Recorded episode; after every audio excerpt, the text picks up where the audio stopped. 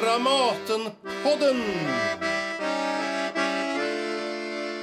Välkomna till Dramatenpodden med mig, Anneli Duva. Och idag har jag Wilhelm Karlsson med mig här i studion. På coronasäkert avstånd får vi säga. Det är flera meter emellan oss. Eh, du är regissör och du är även professor vid Operahögskolan här i Stockholm sen 2011. Du är ju faktiskt hedersdoktor också såg jag vid Uppsala universitet. Ja, ja. Och eh, anledningen att du är här just nu är för att du ska sätta upp Mäterlinks Tintagils död här på Dramaten. När det blir premiär, det vet vi ju inte, eller hur, i dessa tider. Hur ser, det, hur ser planen ut? Hur mycket vet du? Ja, ja precis. Ska jag svara? Ja. ja, ja, alltså det, det är lite osäkert när premiären blir men jag tänker det är ju så att säga också någon en coronaanpassad idé till viss del. Så att jag tänker att jag hoppas verkligen att det blir, blir innan sommaren. Ja, ja vi, får, alltså, vi får se. Ja. Jag, jag hoppas också det. Man längtar väldigt mycket efter att få se teater ja. nu igen. Eh, jag vet inte om jag hann säga välkommen i denna inledning. Välkommen i alla fall. Tack, Roligt tack. att du är här. Och jag ska börja med att bara presentera dig lite grann. Du är född 1953 i Huskvarna utbildad i teaterregi på det som då hette Dramatiska institutet i Stockholm, som nu, det har bytt namn flera gånger, Stockholms konstnärliga högskola. Exakt, ja, och det gör jag också professor på Stockholms ja. konstnärliga högskola. Ja, och eh, du var färdig regissör 1976. Och då bildade du och några andra den fria gruppen Teater Shahrazad. Mm som ni faktiskt höll på med i tio år och hade i tio år. Sen blev du regissör här på Dramaten under nästa tioårsperiod. Och eh, efter det så har du regisserat också mycket opera eh, på Värmlandsoperan, Stockholmsoperan, Malmöopera, Göteborgsoperan. Även i Schweiz har du regisserat opera. Och sen har du sen 2008 kommit tillbaka delvis till teatern och jobbat parallellt med, med både opera och teater. Och eh, du gjorde Paul Claudels När dagen vänder på Strindbergs Intima Teater 2015. Och samma Claudels Budskapet till Maria när du kom tillbaka hit till Dramaten 2018. Mm. Så där har vi en liten sån här grund att stå på för Jaha. de som inte redan känner till dig. Så ska vi prata om alla de här sakerna, tänker jag. Men eh, för att gå tillbaka till den allra första början. Hur, hur, hur blev det teater från början? Ja, alltså det, eh, eh, det tänker jag att det var faktiskt en slump. Eller en slags medveten slump. Alltså jag ville byta sko skola i Stockholm.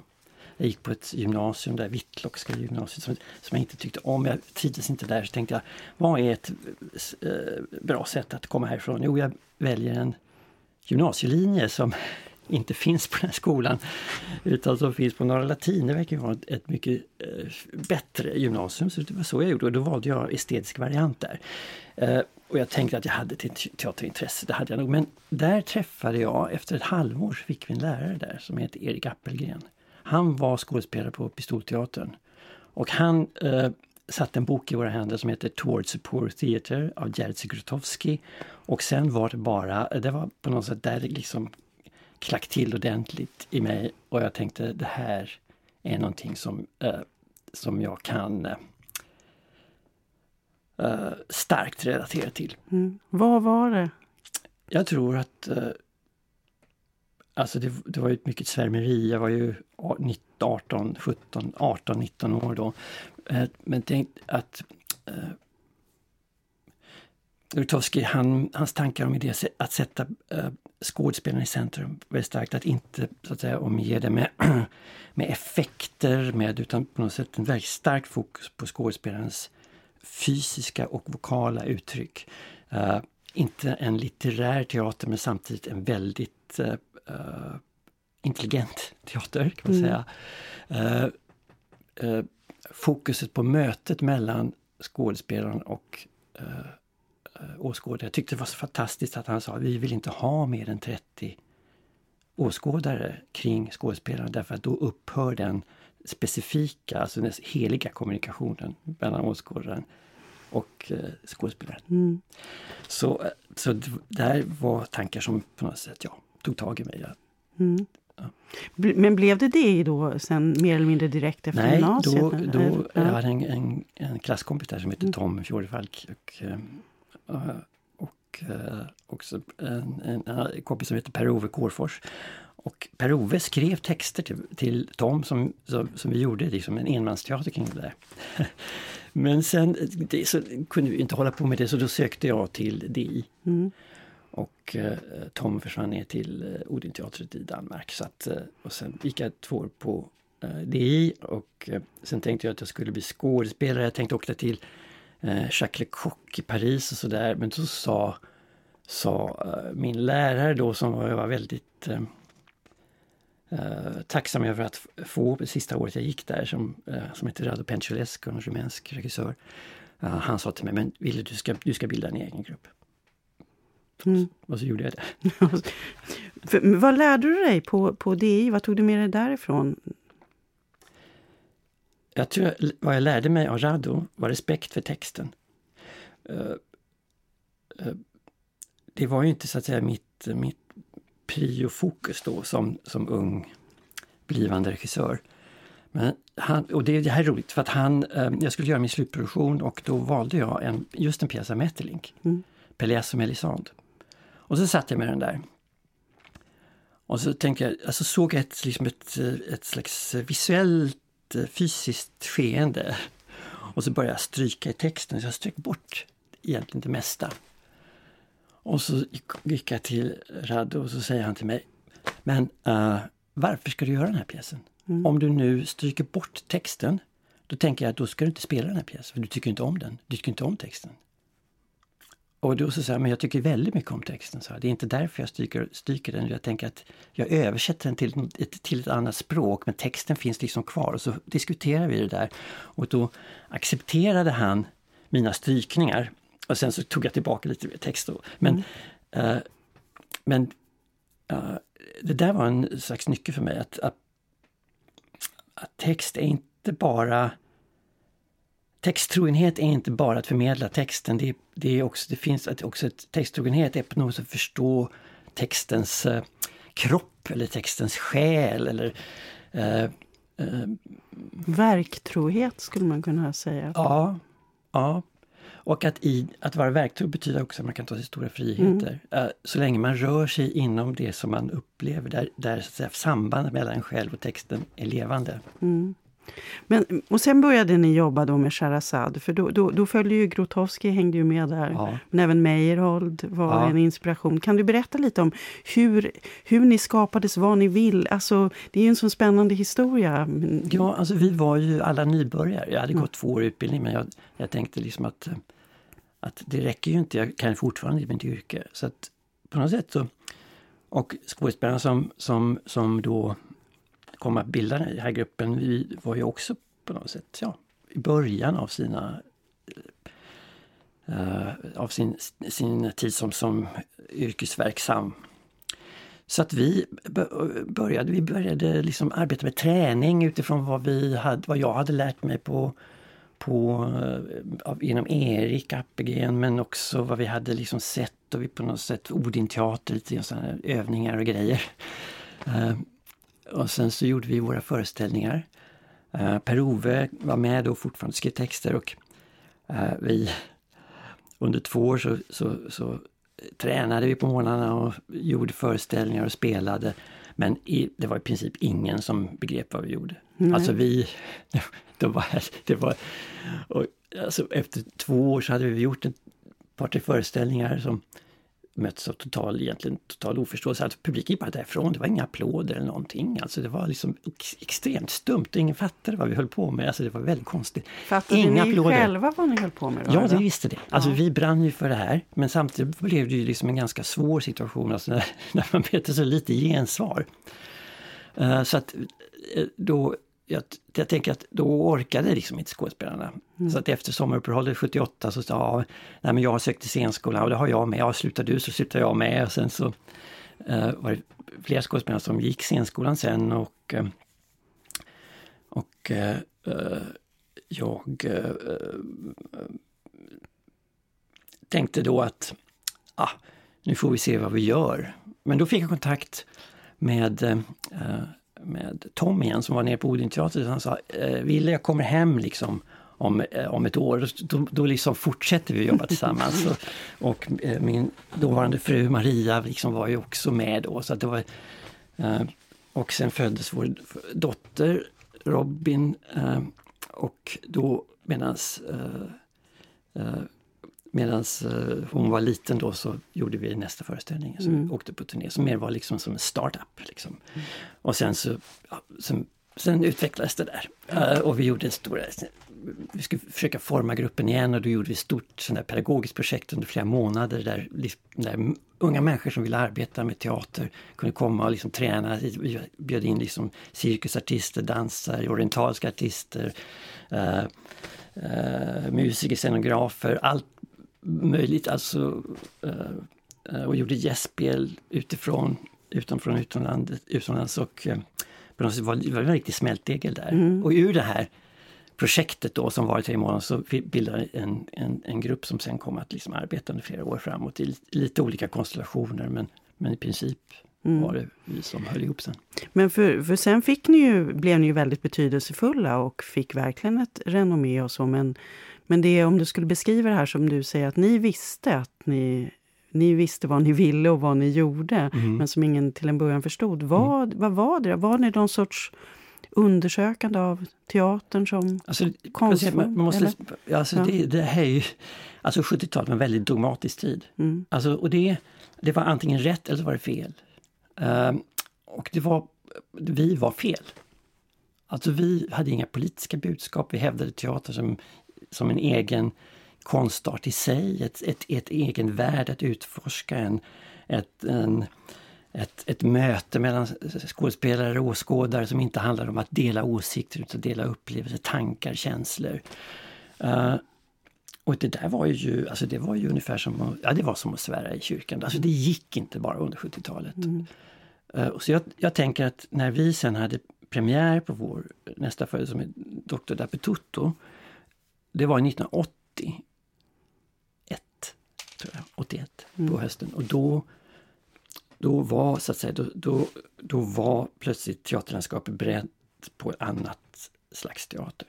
Mm. Så att vi, när vi hade premiär på det, det var ju, det var ju så, så läskigt, alltså för att då när, när, när skådespelarna då äh, lämnade scenen och föreställningen var slut, så blev det helt tyst.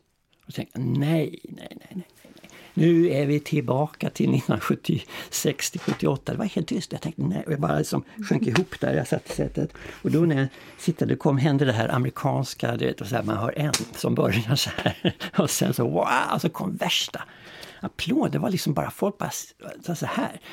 Och då, vänta, vänta, vänta, vi har ju glömt eh, uh, applådtacket. Alltså det, vi, vi, så att jag, och det var, vi var och spelade på Kulturhuset, det var en sån här öppen arenascen så jag reste mig upp där och försökte se, vad är skådespelarna? Ja men de står där borta vid låsdörren och vet inte vad de ska göra. Så jag kom in, kom in! och så kom de in och stod och bugade lite Det tänker inte de som inte jobbar med teater på, att man faktiskt repeterar även ett applådtack. Man, man gör ju det, man ja. gör ju det. Man gör det. Mm -hmm. Nej, ja, det var vi helt oförberedda på. Alltså, det, var ju, det var en väldigt omtumlande upplevelse. Det var ju ja, fantastiskt på alla sätt mm. Mm. Men sen höll ni på då, ni höll på fram till 86. Vad, vad, var det som hände? Hur blev utvecklingen sen? Varför fortsatte ni inte? Eller? Därför att vi helt enkelt, vi, det var fortfarande så att vi ansågs som... Uh, uh, vi fick inga stöd av Kulturrådet egentligen. Alltså vi hade väldigt vi var, vi var lite kult, vi var stöd, vi hade en bra förankring i publiken i Stockholm.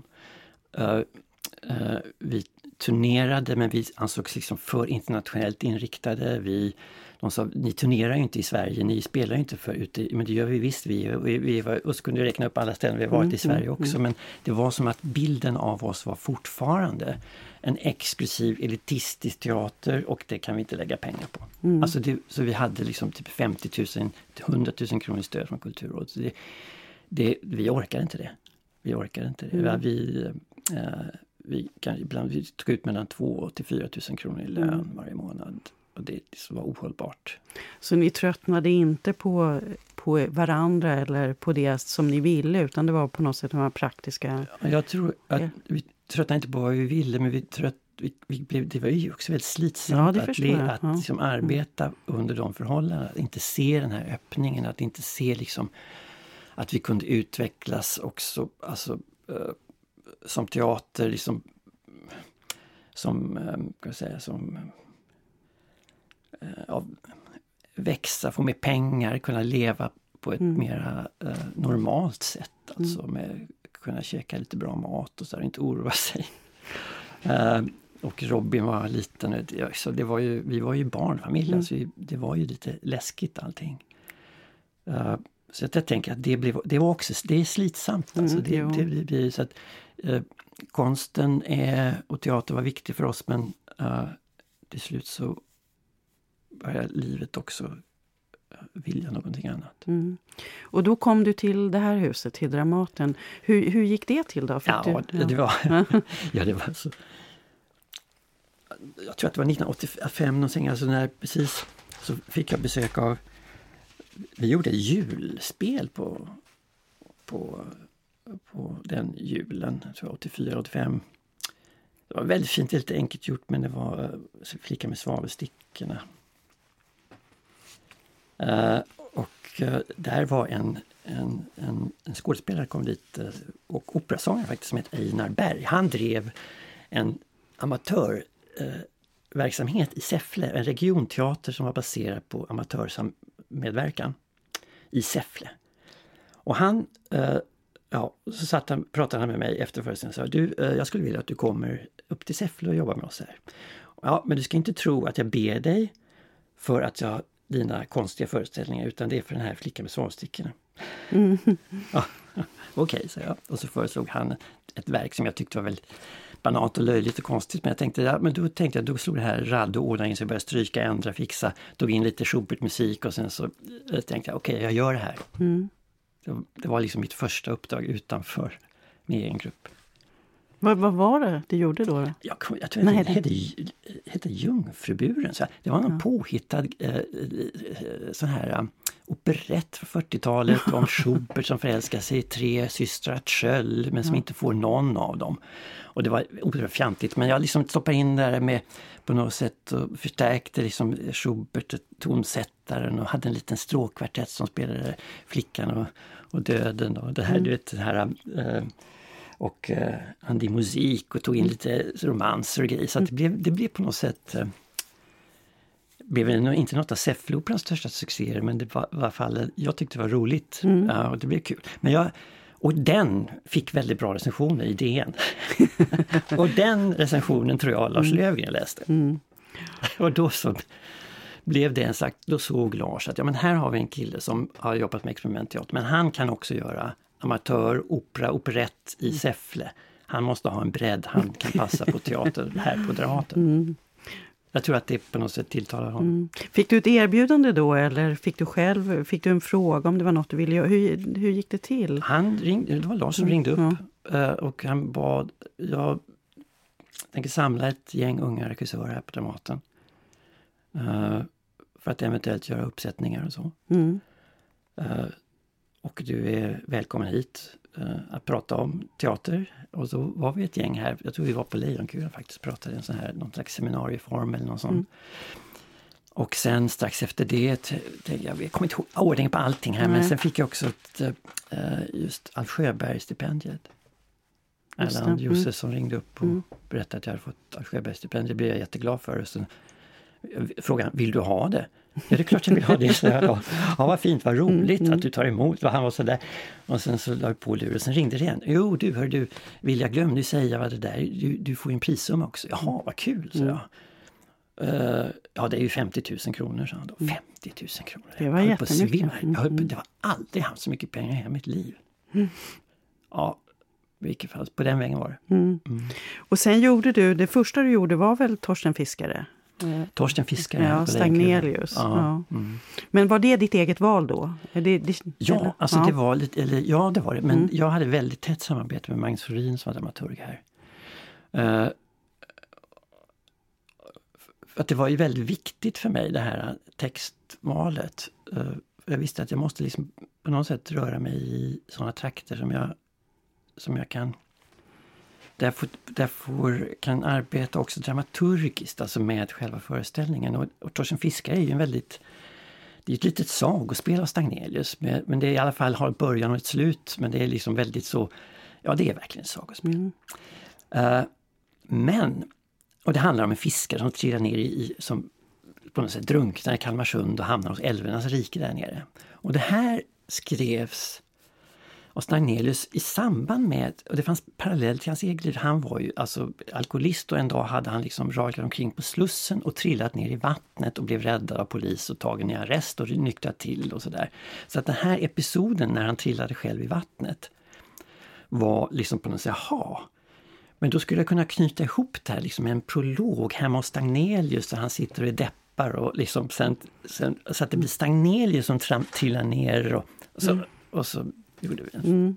Så att jag kunde då arbeta, med, föra in texter av Stagnelius som hans Uh, uh, jag tror jag möte med, kan det vara Tegnér eller Geijer? Ja, Tegnér ja. var det nog. Ja, och uh, lite grann sådana biografiska detaljer, några dikter mm. och sådär. Mm. För, för det är ju väldigt tydligt då man tittar på vad du har gjort och under den där, inte bara under den, det blev ju tio år sedan då på, som du var på, mm. på Dramaten. Och du, du, du håller dig ju gärna där, alltså vid det förra sekelskiftet. Det, det känns ja. ju som att det är din din era, liksom. din, din, din tid i, i, i alla fall i, i dramatiken och, och mm. Kanske i kulturhistorien i stort, jag vet inte. Men, så mm. du, du har ju gjort jättemycket Strindberg ja. genom åren. Du har just gjort Mäterlink. Eh, mm. Du har då senare, som vi nämnde, Claudel mm. också. Och eh, jag blir bara så himla nyfiken på det här. Det är ju symbolismen som är den stora riktningen också, som man kan se som finns som en sorts förbindelselänk här på något sätt ja. i, i den tiden och i, mm. i det som du har gjort, mm. tänker jag. Om, om du själv skulle säga någonting om vad, vad är det som, som du tilltalas så mycket av eller varför är du så intresserad av just och har uppehållit dig så mycket vid den perioden? Alltså det är ju inget, det är, det är inte på något sätt någonting mm. som jag tänker att ja, nu måste jag göra någonting som finns som landar i det sekelskiftet. Nej, det, det förstår jag. Ja, ja, ja, precis. Men jag tänker att det, eh, Alltså jag, jag, jag får svårt när en text eh, är, är alltför starkt förankrad i den här verkligheten. Alltså på det sättet att den inte har, att den inte på något sätt öppnar för eh, mystik, dröm, magi och inte på något sätt räknar med andra verkligheter än just den faktiska som vi har här framför mig. Jag skulle väldigt svårt att sätta upp en Wesker-pjäs. Mm. Jag skulle inte veta vart jag skulle ta vägen med mm. den. Jag behöver jag behöver en, en, sant, man skulle säga då, en andlig dimension. För den, där frigörs mina tankar. Mm. Alltså det, uh, var utspelar sig den här pjäsen? Spe, utspelar sig verkligen här vid det här faktiska bordet eller är, är, är den också, utspelar sig också i en, i en annan verklighet? Och, det, och då tänker jag, då, då, där kan jag ibland ha problem med Strindberg för han förankrar sig väldigt starkt i, sin, i en realistisk miljö. Men jag kommer ihåg när jag just gjorde min första Strindberg som var Svarta handsken av alla konstiga pjäser som man kan välja. Alltså Strindberg så, så tänkte jag just att ja, men jag har väldigt svårt för den borgerliga miljön, de här tunga draperierna och de här dystra eh, personerna som, som sitter nedsjunkna i, vid sina skrivbord och lampan som lyser och gatlyktan som på något sätt lyser in i dunklet i lägenheten om att här, ja, sammeten och tyngden och det röda och det gröna och allt det här. Mm, mm. Så jag tänkte att, uh, men texterna är, om man liksom tittar på Strindbergs texter så är de inte så att säga, de är inte beroende av att man beskriver att den, den, den realismen de lyfter sig, de befinner sig, de rör sig på ett annat plan. Det är på något sätt som att hans fantasi fungerar bra om man man har en gatlykta där eller en, en, en, en, ett ljus som brinner eller en taklampa som slocknar eller sådana realistiska detaljer. Men uh, det är någonting annat som mm. en annan dimension som hela tiden finns närvarande. Så då kan man ta bort allt det där. Alltså man kan kanske inte ta bort just lampan, man kan ta bort lägenheten, man kan ta bort fåtöljerna, draperierna, alla de här yttre naturalistiska beskrivningarna. Mm. Och så kan man frigöra texten på det mm. sättet. För jag, för jag tänkte, jag tittade ju, alltså just det här att eh, den där tiden är ju en tid när själva dramatiken ju också börjar en utveckling. Man skulle till och med kunna kalla det för en frigörelse mm. hos dramatiken. Mm. Eh, och, och, att man spränger det här som tidigare har varit ramarna för, för dramat. Mm. Eh, och det finns ju den här väldigt kända lilla boken, jag tog fram den igen, alltså som Peter Sondi har skrivit. Eh, mm. Ehm, det moderna dramats teori. Mm. Där han ju, alltså den kom ut på 50-talet, han var schweizare, teatervetare. Och, men jag hade den som kurslitteratur på 80-talet på universitetet. Jag tror man använder den fortfarande, jag vet inte. Mm. Men, och han beskriver ju då dramatikens utveckling mellan åren 1880 till 1950 när han kommer med sin bok. Mm. Och så går han ju igenom alla egentligen nästan de stora, eller många av de stora dramatikerna. Och han har rubriker då som kris och sen är det räddningsförsök och lösningsförsök. Alltså det är väldigt rolig läsning det här om man är intresserad. Mm av dramatik och teater. Och, och, om just Mäterlink då, jag gick in och läste kapitlet om Mäterlink bara mm. apropå att du skulle komma här. Och då har Mäterlink placerar han ju tillsammans med, med då Strindberg, Tjechov och Ibsen bland annat mm. in i den här krisperioden. Mm. Och sen skriver han flera saker där som jag tänkte, men det här måste ju vara direkt relevant för dig i ditt konstnärskap. Eh, som just egentligen då beskriver Mäterlink, men som på något sätt... Eh, så jag tänkte bara säga några påståenden till mm. dig, så får du mm. svara som, eh, som du tycker. Alltså det viktiga är situationen. Stämningen, hand, handlingen är alltså oviktig. Och hos Mäterlink beskrivs det som, beskrivs det som dramstatik, alltså ett mm. statiskt drama. Vad säger Wilhelm Karlsson om det? ja, det där är intressant. För mm. vad är, vad är, mm. um, alltså jag upplever ju uh, Mäterlink uh, drama som väldigt fysiska. Alltså, uh, de kan vara stillastående men de är, de är de är, de är väldigt de plastiska. Alltså jag ser kroppar i rörelse, jag ser avstånd, närmanden, rumslighet. Uh, och det finns också uh, naturligtvis en väldig stillhet ibland. Uh, men det, det, uh, det på något sätt finns någonting... Uh, Tintaris död är ju då den här pjäsen som jag ska sätta upp nu är ju egentligen ett marionettspel och marionetterna har ju, har ju precis den här äh, fantastiska stillheten men också en väldig plasticitet. och det är, väl, det är det som jag tycker är så att jag kan inte riktigt hålla med om det. Man spelade honom på det sättet. Mm, mm. Alltså man spelade honom väldigt statiskt, man gjorde såna här Uh, nu kan ni inte se vad jag gör men det är så här i, i påsar, slags mm. reliefer mm. talar man om. Att man spelade liksom med, som slags, ni vet som egyptiska kroppar. Liksom. Mm. Och så såg man människorna i, i, i en slags sidovis. Du sätter dig lite i profil nu och sträcker ja, ut ja, precis, armarna. Precis. Så det, är väldigt, det är väldigt ja. så plastiskt med armar och mm. som statiskt. Då. Mm. Och det eh, kan jag förstå men det är liksom ett, det är väldigt långt ifrån hur jag tänker mig. Mm. Nästa påstående kopplat till Mäterlink, ja. kanske till dig. Ja. Människan är utlämnad åt sitt öde, vars mening är fördold för henne. Haha.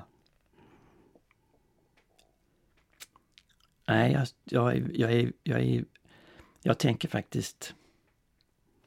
Jag tror, att, jag tror att det är ett levande tema. Jag tror att eh, i mig, alltså att, att jag ibland kan alltså, frågan är, kan jag påverka mitt liv? Är jag, är jag, är jag, är jag mästare över mitt eget liv? Är jag mästare över eh, eh, över de relationer jag skapat eller är de uh, ödesbestämda att vara så som de en gång blev? Eller kan de förändras? Är jag, kan jag förändra mitt liv? Kan jag göra någonting åt det? Eh, eller är det så att säga en förutbestämd vandring mot ett väldigt tydligt och enkelt mål, alltså döden. Då. Och det tänker jag att eh, alltså den eh, eh, jag tror att vi kan uppleva eh, ett, som tyngda av ödet, eller tyngda av vårt öde. Inte, inte öde som att någon, utan vår egen destination på något sätt. Att vi... Uh, är på väg eh, åt ett håll och hur ska jag kunna ändra det? det jag förmår inte. Mm. Men, eh, men, för att kunna känna det så måste man också ha kontakt med, jo men jag kan förändra det här, det behöver mm. inte vara på det här sättet. En relation till en annan människa. Eller uh, en väg genom livet, genom yrket, i familjen, i, bland vänner. Uh, vad jag, hur människor ser på mig eller jag, hur jag själv ser på mig. Uh, jag kan förändra. Mm. Det är inte ödesbestämt. Jag, och de där ögonblicken när man känner ja, nu vet jag hur jag ska göra det här. Nu tar jag tag i det här och så går jag... Det är, liksom, det, det är de stora stunderna i livet, tänker mm. jag. Så, och, så att det, eh, på det sättet så äh, förstår jag alltså och kan äh, Metterlink Mm. Därför att det finns ett starkt öde, en, en makt där ute som påverkar som vi inte kan göra någonting åt. Och ibland är den synlig, ibland är den personifierad, lite grann som i, i, med, i Tintasils död, men ibland så finns den bara där. Mm. Och det, den hjälplösheten eh, är läskig, den kan jag identifiera mig med, men samtidigt så handlar det mycket om att också, framförallt Tintasils död, så är, handlar den pjäsen om att Igren, Tintasils eh, syster, inte ger upp. Mm. Men det är lustigt att du säger, för nästa påstående, det bekräftar det då som du just sa. Dramatik handlar om ögonblicket då den värnlösa människan överraskas av sitt öde. Det var ju det du pratade om nu, den här insikten som, mm. som man emellanåt kan, mm. kan drabbas utav. Eh, ett påstående till, mm. Eh, det är det sista. Mm. Eh, döden som sådan är människans öde. Döden ensam behärskar scenen.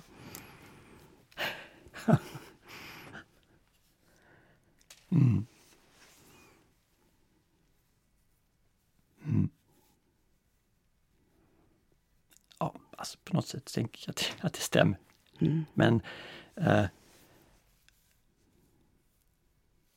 jag tänker det. Mm. Faktiskt. Men, men uh, de, de stora... Döden är... Döden är inte bara döden, döden är just det här att ge upp. Att, att på något sätt eh, förinta sig själv. Eller att bli till ett ingenting. Och det, och det är det som är att jag tänker att där, det, det är de stora ögonblicken på teatern. Alltså när, när människan reser sig ut ur den här intigheten och meningslösheten och skapar mening. Uh, och det är liksom ett slags hjältedåd, på något sätt. Ett slags mänskligt hjältedåd, inte med svärdet i handen utan med, med, med insikten i handen. Och då, det, på det sättet kan jag hålla med och jag tänker att det är kanske uh, också någonting som som mina pjäser, som mina pjäsval mm. styrs av. Mm. Mm. Men varför blev det just eh, Tintashils död nu då i så fall? Mm. Apropå pjäsval. Ja, mm. ja. Alltså det är, det är lite mystiskt det sambandet också. Så att jag, och är det liksom totalt kartlagt så, så, så, så tänker jag att det är lite grann då finns det ingenting att utforska sen. Så att jag, så att jag vet inte riktigt kan jag säga. Men samtidigt så...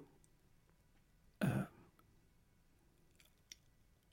jag tycker att uh, kampen för Tintagil, för den hjälplöshet han känner uh, och ibland liksom den här oerhörda insikten han har samtidigt om, om vad de vuxna gör och vill och kan.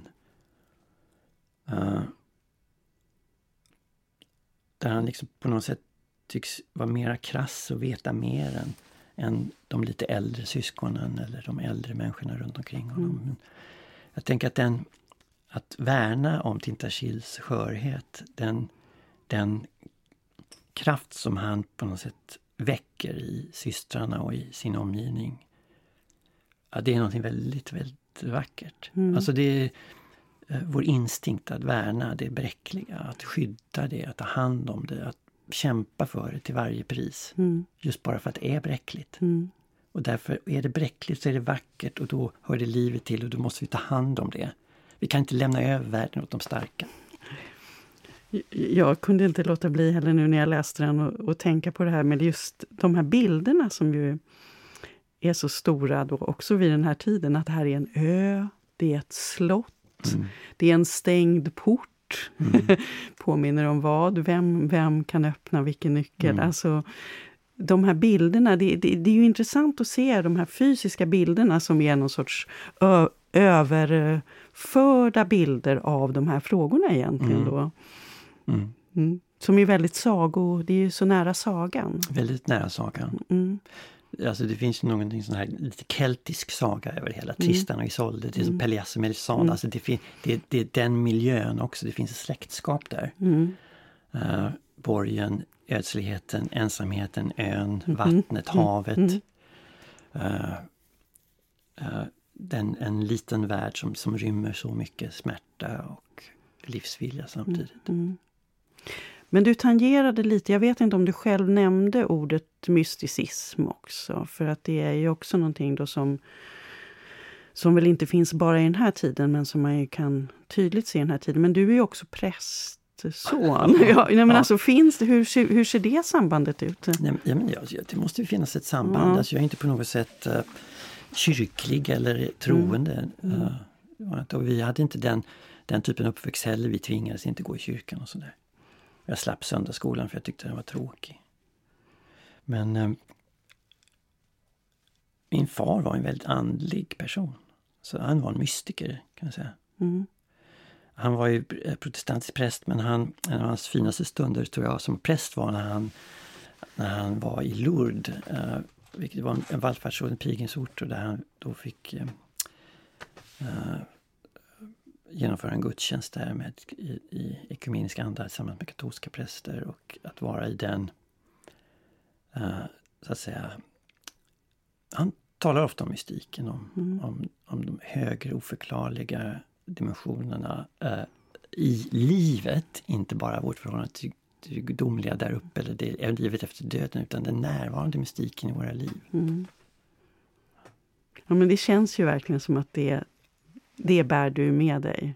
Alltså, ja, det tror jag. Att som en, någon sorts eh, grundstämning eller drivkraft. Ja, för att jag någon, tänker ja, att, det, att det har varit en stor tröst i mitt liv, mm. också när jag var liten. Mm. Sen kom du tillbaka här då. Vi, vi, ska inte, vi ska nämna det här med operan. Vi kan inte börja prata om allt du också har gjort all opera du har regisserat för då, då blir, det, blir det för stort och för långt det här. Men, men någonting kanske ändå ska säga, eller vill jag gärna veta om hur, hur du ser på alltså operakonsten i jämförelse med teaterkonsten. Vad, hur skiljer de sig för dig som, som konstnär och regissör? Alltså de... Det, det, är, ganska, det är ett ganska stort ämne. Jag tänker då. Liksom mm. jag, jag när jag eh, då regisserade min första opera. Eh, alltså helaftonsopera och liksom med full orkester och hela grejen. Det var, eh, det var 1987, det var precis när jag kommit till Dramaten. Mm. Så, eh, så var det på något sätt som att jag... För det första kände jag en väldig eufori. Det här var inte en romantisk opera på något sätt. Det var en, det var en, en opera av Hans Werner Henze som är modernist och liksom eh, anti-wagnerian och väldigt så. Eh, men de, de dimension, den, alltså musikens dimensioner eh, det, det musikaliska spelet uppe på scenen. Som är både, opera är en väldigt fysisk konstart. Så för mig är det uh, uh,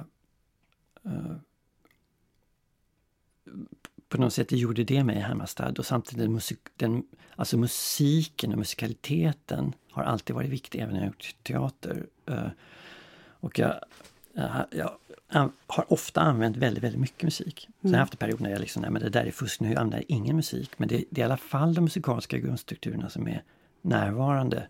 och viktiga. Jag måste uppleva det som mm. en slags form av musik.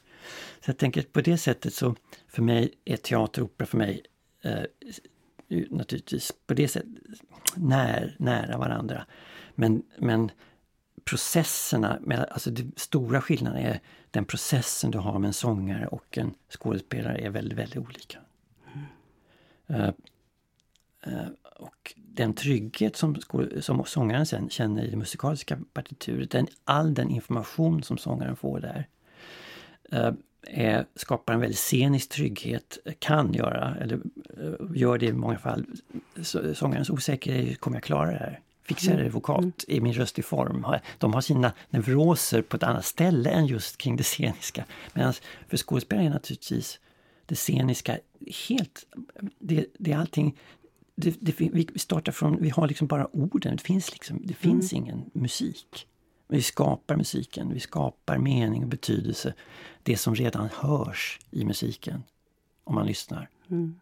Så att det, är liksom, det blir helt andra processer på det sättet. Det är ett, man lyssnar sig till uh, uh, uh, en operas... till, till, till en operaföreställning. Det är ett lyssnande på ett annat sätt till musiken. I, i, i, i, i teatern har ju bara texten. Det, mm. där, där är det så att säga ordens, verkligen hur det... till varje pris som mm. det handlar om. Fast det finns ju också det finns ju ett annat sorts utrymme för, för tolkning då i teatern såklart. Mm. Eh, kunde du ändå... Jag, jag, får ändå känslan när jag tänker att du lite saknade just det teaterarbetet, skådespelararbetet ja. kanske. Ja, och att det är... Så det, hur, det, är ett, du, det är ett fördjupat arbete. Ja. Det är det. Det är ett... Det är ett, det är ett um, uh, det är ju ett intimare arbete med, med ett mycket närmare arbete med, med, med skådespelarna. Det är skörare mm. på det sättet. Men samtidigt då, teatern är ju också, tänkte jag också mycket nu när jag satt och, och på något sätt funderade över vad du hade gjort och hur tiden har gått. Så är teatern mycket, mycket trendkänsligare mm. än vad operakonsten ja. är. Eh, av alla möjliga skäl. Ja. Men hur upplever du det då som, med just det här som vi har pratat om, din förankring i en tid som ligger ännu längre tillbaka mm. och i kanske andra... Ja, men ett intresse för, för en gången tid också mm. i någon mening. Mm. Nu gjorde du budskapet eh, till Maria här på Dramaten, du kom tillbaka till Dramaten 2018. Claudel, som ju just är mysticism. Ja, och att, alltså den är verkligen inte i, i tiden om Nej. man ska vara krass Nej. nu. Hur, vad, vad, tänker du själv om det där? Upplevde, hur upplevde du det? Eh. Ja, jag upplever att det, att det är en stark... Ska jag säga, att där jag befinner mig befinner sig inte riktigt teatern. Mm. Så känner jag.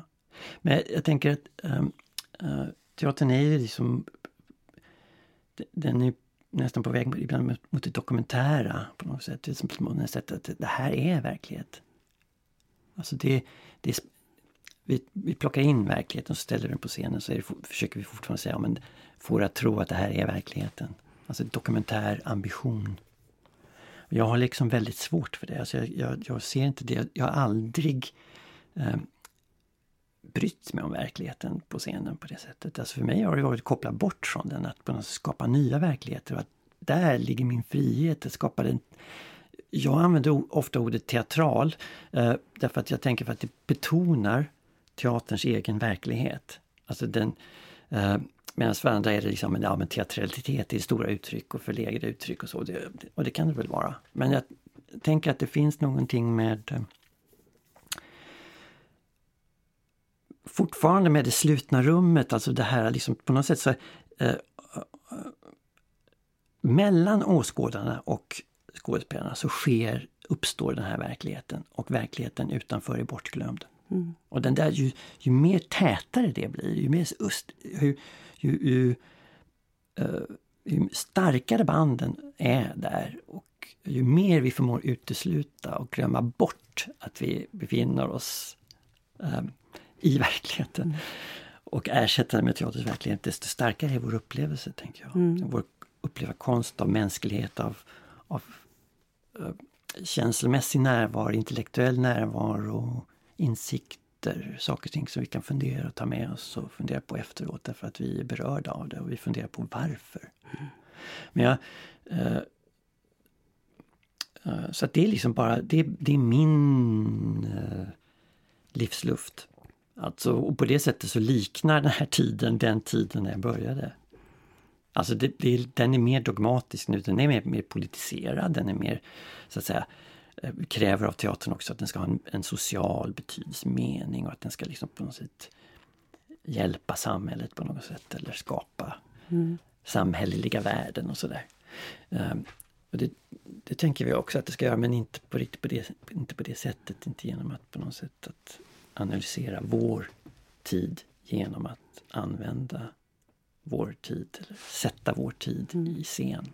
Man kan väl i och för sig göra, ja, min käpphäst brukar alltid vara att jag tycker att man inom teatern är så dålig på att uh, förstå att även teatern är en värld av genrer.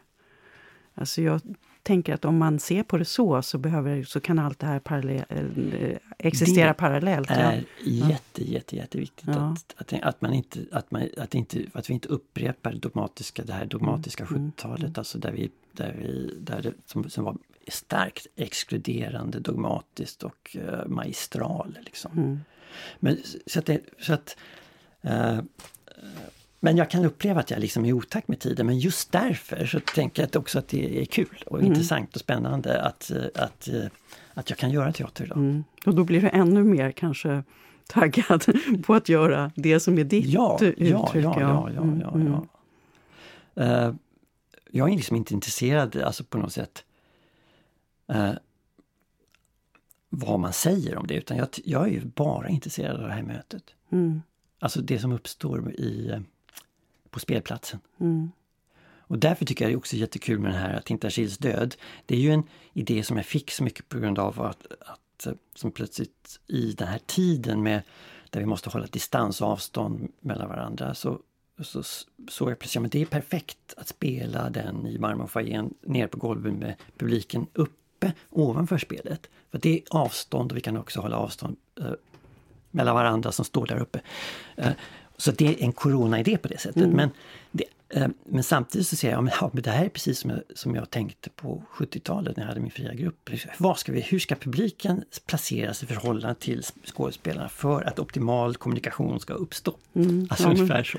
Och, så att det, det är liksom, jag, på ett sätt är jag likadan som jag var 70-talet. Nej men det är ju också roligt för det är en spelplats som inte alltså är en spelplats som finns men som inte används mm. vanligtvis mm. för, för eh, föreställningar. Mm. Men hur har du själv påverkats, apropå det, av den här tiden och alltså hela pandemiperioden? Alltså jag tänker att pandemin är ju en sak, men jag tänker att på något sätt hänger pandemin också ihop med, med vi upplever det så i alla fall, även om det inte är så rent faktiskt. Men pandemin har att göra med Jo, men det har att göra med globaliseringen naturligtvis, alltså med, med den nya digitaliseringen av våra, vårt sätt att kommunicera digitalt och medialt. Eh, alltså politisk oro, populism. Eh, alltså, samt tek, teknik som utvecklas i en rasande fart som sätter många människor eh, hopplöst utanför exkluderande. Eh, Medan för andra innebär det fantastiska nya möjligheter. Men det är en, det är en ex, extremt orolig, eh, läskig tid där vi inte känner att vi har riktig kontroll på vad, vart världen är på väg. Och så har vi klimathotet on top of it. Mm. Som är verkligen alltså stora, stora, stora ödesfrågor. Men jag... Det är ju definitivt så att det finns en parallell mellan vår tid nu och hur det var för hundra år sedan. Alltså, och lite kanske 120 år sedan. Eh, med alltså extremt stora tekniska framsteg. Telefon, vatten, el, eh, kommunikationer, bilar, eh, eh tåg, industrialiseringen, urbaniseringen, eh, politiska spänningar av extrem, eh, extrema slag. Eh, politiskt uppror stora delar i Europa. Revolutioner i Ryssland 1905. Uh, uppror som slås ner. Alltså det är ett, mm. det samhället är verkligen skakat och det är den oro. Så kommer liksom första världskriget så på något sätt som, som där all oro och all destruktivitet har bara samlats i en fruktansvärd femårigt krig. Och uh, det är väl uh,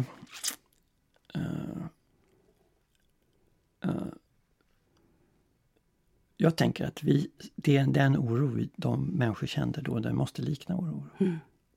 Alltså, ja. Det är goda krafter som vill ta hand om framtiden.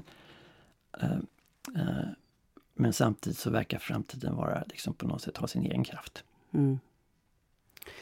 Jag kan inte lägga till något liksom klämkäckt eh, slutord där. Det blir så.